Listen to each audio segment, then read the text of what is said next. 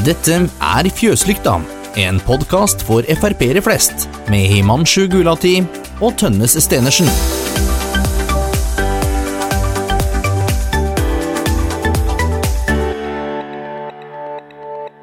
Jon Georg Dale, eller Goggen som vi kaller det.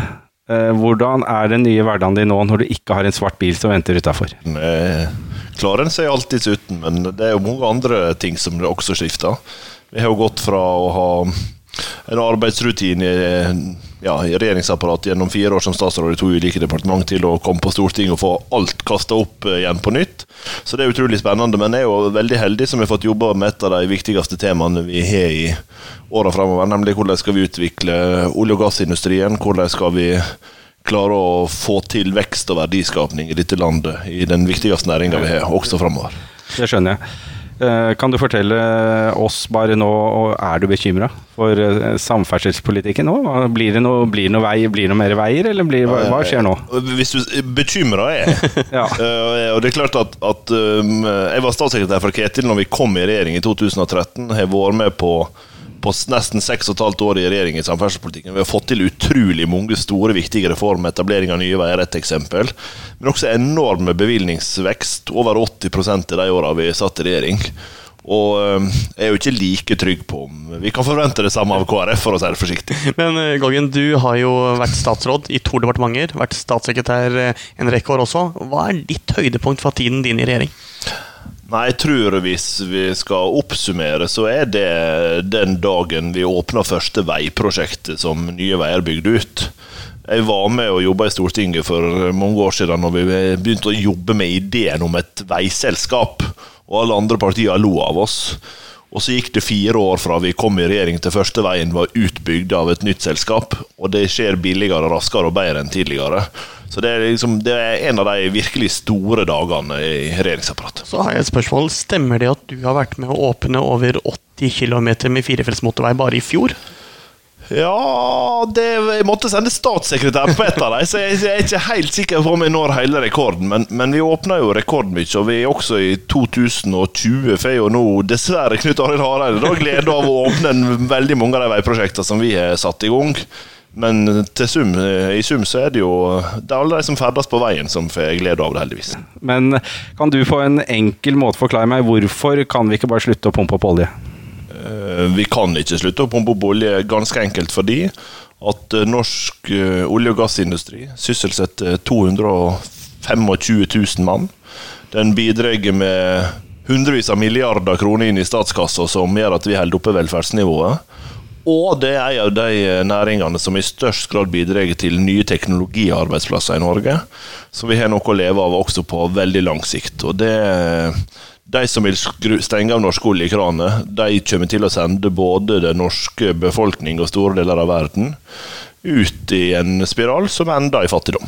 Det har jo vært en eh, slags eh, sånn oppfattelse i norsk politikk kanskje om at eh, Frp kan foreslå det de vil, og SV og andre partier kan foreslå det de vil, men så skal på et Arbeiderpartiet og Høyre komme som ansvarlige styringsparti til å, rydde opp, enten det er snakk om oljepengebruk eller annet. Men nå ser man at disse såkalte styring, ansvarlige styringspartiene en etter en eh, beveger seg bort fra det som har vært eh, tradisjonell oljepolitikk. Flere i Høyre bare denne uka som har foreslått uh, ting som er ganske oppsiktsvekkende. Er du bekymret for hva som skjer med disse styrings, såkalte styringspartiene? Ja, det er jo Arbeiderpartiet har jo ryggrad som er kokt spagetti om dagen. De vingler fra den ene sida til den andre, og de brukte å stå opp for norske oljearbeidere. Det gjør de ikke lenger. Eh, Og jeg mener det er et svik både mot alle som jobber i, i næringa, men ikke minst overfor alle skattebetalerne i dette landet som trenger oljeinntektene for å ha et eh, velferdsnivå som det vi er vant med i Norge. Eh, og når en ser at også i Høyre begynner de å vike, så det er en ting som er, folk kan være helt trygge på, det er at Fremskrittspartiet vi kommer til å stå bom fast. Eh, På linje med norske oljearbeidere, på linje ved siden av norsk olje- og gassindustri. Fordi vi er helt avhengige av inntektene derifra i åra framover. Frp sitt siste oljegrep i regjering det var jo å sette Sylvi Listhaug som oljeminister. og Det varte dessverre litt for kort tid, men En måned senere så gikk vi helt ut av regjering. Men hvordan gjør vi oljepolitikk sexy igjen? Eller uh, som Trump ville sagt, eh, make oljepolitikk great again. Hvordan, for den, Vi har jo sett en ungdomsbølge og Greta Thunberg og alt det der. Hvordan gjør vi olje sexy? Ja, og det, det kan du jo øh, spørre om, og det jeg mener jo eh, at det er det. Altså uten, uten at noen står opp for norsk olje- og gassindustri, så kommer vi til å bli fattigere. Folk kommer til å oppleve velferdskutt, og lønnsveksten kommer til å flate ut. Eh, og jeg tror jo ikke at norsk ungdom heller egentlig mener det. Og hvis en ser på undersøkelsene, så har jo oljenæringa ekstremt stor støtte i befolkninga. Men vi har jo latt en del naturvernere og idealister i Miljøpartiet De Grønne få dominere denne debatten altfor lenge, og de må vi slå til jorden. Eh, fordi ganske enkelt, eh, vi trenger en effektiv og målretta olje- og energipolitikk i åra framover hvis vi skal fortsette vår velferdsutvikling eh, de neste ti åra. Er er det ting vi i Frp gjorde i regjering som på for å ta vare på miljøet som du, du syns vi gikk for langt? For å imøtekomme de andre partiene? Nei, altså jeg mener jo i sum at å ta vare på miljøet, det skal også vi bidra til. Naturligvis det er jo ingen som vil rasere miljøet rundt seg. Men vi bruker altfor mye penger på symboltiltak i klimapolitikken. Har du eksempler? Så, ja, altså Når vi f.eks. skjerper øh, hvis du, hvis du, skal skjerpe avgiftene på bensin, da, som mm. f.eks. nå Miljøpartiet De Grønne foreslår fem kroner opp i, i, dieselpris, så hjelper det jo ingenting. Det eneste er at de gjør det dyrere for folk som ikke har et reelt alternativ til bilen sin, eh, å bruke bilen. Det kommer ikke til å redde klimaet. Mens hvis vi får til store teknologiskift, så er det vi holder på å få til f.eks. på norske skip nå, som gjør at vi får ned utslippene, samtidig som vi skaper nye arbeidsplasser i hele verftsindustrien. Det er smart klimapolitikk. Eh, sånn at eh, i sum eh, så er det helt sikkert ting og vi kunne ha gjort annerledes når vi satt i regjering også. Men, men det vi har bidratt med i regjering, er jo å få fokus mer over på gulrot. Stimulere folk til å gjøre klimasmarte valg, i stedet for å piske folk på plass som venstreside og har tatt til orde for altfor lenge. Kan man si at Frp er et parti som står for færre miljøtiltak, men tiltak som virker? Ja, Mm. Det er jo mange i Frp som nok har ment at vi har mer til felles med Senterpartiet på en del saker enn det vi har hatt med Venstre og KrF. Tror du at et Frp- og Senterpartifellesskap på Stortinget kan føre til en mer fornuftig klimapolitikk? Ja, Hvis Senterpartiet hadde meint det de sa, så kan det hende det hadde vært rett. Men vi har jo til gode å se det. Eh, Senterpartiet driver jo i altfor stor grad symbolpolitikk. Også de. Eh, sånn at Hvis Senterpartiet kommer på bedre tanker, eh, så ser ikke jeg bort ifra at vi også kan finne løsninger med dem. Men Senterpartiet står jo ikke opp for norsk olje- og gassindustri. Det har vi jo sett uh, bare gjennom de siste åra. Uh, når vi sier at vi må åpne Lofoten, Vesterålen og Senja for oljeaktivitet, så sier Senterpartiet som Arbeiderpartiet nei. Sånn at uh, Det er jo et av de områdene der Senterpartiet svikter folk i distriktene som eh, kunne, kunne vært med og skapt nye arbeidsplasser, som kunne skapt ny vekst. Men der Senterpartiet er mer opptatt av å være politisk korrekte enn å stå opp for den uh, jobbskapinga vi trenger rundt om, også i Nord-Norge f.eks. Goggen, du har jo vært veldig synlig siden vi gikk ut av regjering om, med ditt nye arbeidsfelt. Men det har nesten vært umulig å se et oppslag med deg uten ordet iskant uh, stående ved siden av. Hva er egentlig denne iskanten, og hvorfor er den så viktig? Ja, Å forklare hva iskanten er, det krever jo tre års studium.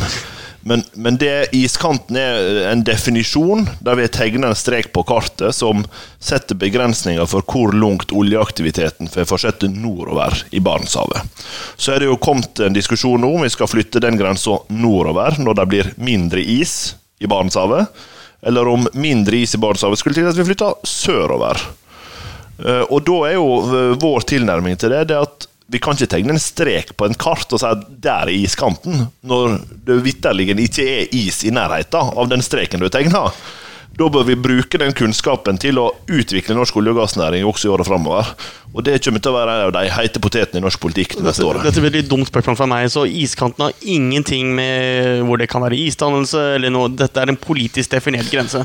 Ja, det er det, men så er den basert på observasjoner av hvor mange dager i april det kan være is i et bestemt område basert på historiske målinger gjennom 60-, 70- og 80-tallet. Eh, og Det viser jo for så vidt at eh, det er på høy tid med oppdatert kunnskap eh, på det feltet. Og den, Hvis vi bruker den kunnskapen, så vet vi at det skulle tilsi at vi flytter grensa nordover. Så I verste fall kan iskanten være en dårlig aprilsnarr?